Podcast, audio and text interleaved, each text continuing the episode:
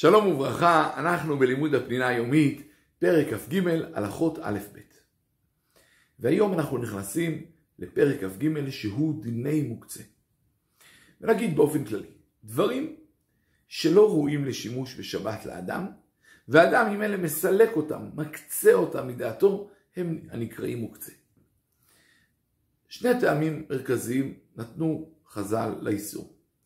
הטעם האחד זה כדי לשמור על צביון השבת. אנחנו יודעים שמעבר לאיסורי המלאכות, יש מצוות עשה כללית בשבת לשבות ולנוח. וממילא אם אדם יתחיל להתעסק בחפצים ולהעביר דברים מכאן מכאן ולגעת בדברים, ממילא הוא יאבד את צביון השבת. ועוד, שעל ידי איסור המוקצה, הידיים של האדם תואמות למחשבות שלו. כמו שהמחשבות שלו עוסקות בעניינים רוחניים, ענייני קודש, גם הידיים שלו לא מתעסקות בענייני חול. זה הטעם האחד. והטעם השני הוא סייג, כמו שאנחנו מכירים בכל התורה כולה. עושים סייג. אם אדם ייגע בפטיש, יטלטל פטיש, אחרי זה יבוא לדפוק מסמר. כלומר, ברגע שאתה תיגע בדברים, יש סיכון שאתה תבוא לעשות מלאכה, ולכן כסייג כללי לתורה, ממילא יש את איסור מוקצה. ארבע סוגי מוקצה ישנם. מוקצה מחמת גופו, שזה דברים שהם פשוט לא ראויים לשימוש בשבת בכלל, כמו סתם אבנים, עצים, חול. דבר שני מוקצה מחמת חסרון כיס, זה דבר שהוא לא משמש לשבת, ובשל יוקרו וחשיבותו לא נוהגים לטלטל אותו, אלא לשימוש המיוחד לו. כמו לדוגמה מחשב נייד. אדם לא מטלטל מחשב נייד סתם, אלא רק לשימושו המיוחד.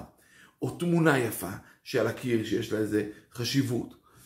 אדם לא סתם מטלטל את התמונה אה, שלא לצורך. אלה דוגמאות למוקצה מחמת חסרון כיס, וכמובן בכל סוגי המוקצה אנחנו עוד נרחיב יותר.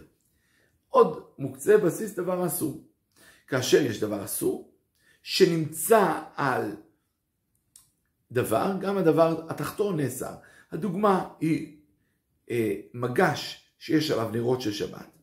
גם לאחר שקבעו הנרות, המגש הוא מוקצה.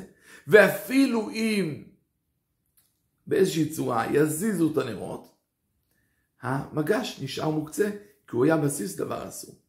והמוקצה הרביעי זה כלי שמחתו לאיסור, כדוגמת עט ופטיש וכל מספריים, כל הכלים שמשמשים לאיסור, ולכן ממילא אין להם שימוש בשבת, אז הם ממילא גם כן מוקצים. היתר גדול נאמר במוקצה, שכאשר זה גורם לריח רע, או למראה, או לגועל, מותר להוציא, ואת זה למדו ממה שנקרא גרף של ראי. כלומר, פעם היו עושים את הצרכים בתוך כמו סיר, והיה מותר לסלק את זה. למה? כדי שלא יהיה מגעיל בשבת. התירו את זה מראש, זה ההיתר הכללי של גרף של ראי. כל האיסור הוא לטלטל את המוקצה. אין איסור לגעת בו, לכן אין גם איסור לפרוס עליו משהו, כל זה מותר. כאשר אני רוצה דבר של היתר, מותר לי כדרך אגב להזיז דבר האיסור. אה, לדוגמה, אם אני רוצה לקחת בגד, ועל הבגד עומד אה, הפלאפון שלי, אני יכול לקחת את הבגד, להרים והפלאפון ייפול, לא נגעתי בו, אלא זה מה שנקרא טלטול מן הצד, וזה לצורך הדבר המותר, ולכן זה מותר.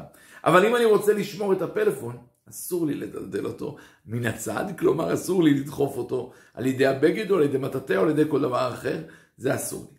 מה כן מותר לי? מותר לי להזיז אותו בגופי, כלומר ברגל, לא ביד, אלא בגב היד או ברגל או במרפק, אפשר יהיה, זה נקרא טלטול בגופו. כלומר, יש טלטול מן הצד, שזה על ידי דבר אחר, כמו, אני לוקח, זה ביד, אבל זה ביד על ידי דבר אחר, ויש טלטול בגופו, שזה בחלקים אחרים של הגוף, זה יהיה מותר גם לצורך המוקצה עצמו. כאשר אני מוצא דבר, ואני לא יודע אם הוא מוקצה. למה לא יודע? אני מוצא פירות שנפלו מהעץ, ואני לא יודע האם הפירות האלה נפלו מהעץ מערב שבת, ואז הם לא מוקצים, או בשבת, ואז הם מוקצים, ספק מוקצה אסור. אבל כאשר יש ספק בהלכה אם דבר הוא מוקצה או לא, אז זה דין דרבנן ודין דרבנן לכולם. וכמובן כאן אמרנו כללים שבעזרת השם עוד נלך ונפרט אותם בהמשך הפרק. שלום, שלום.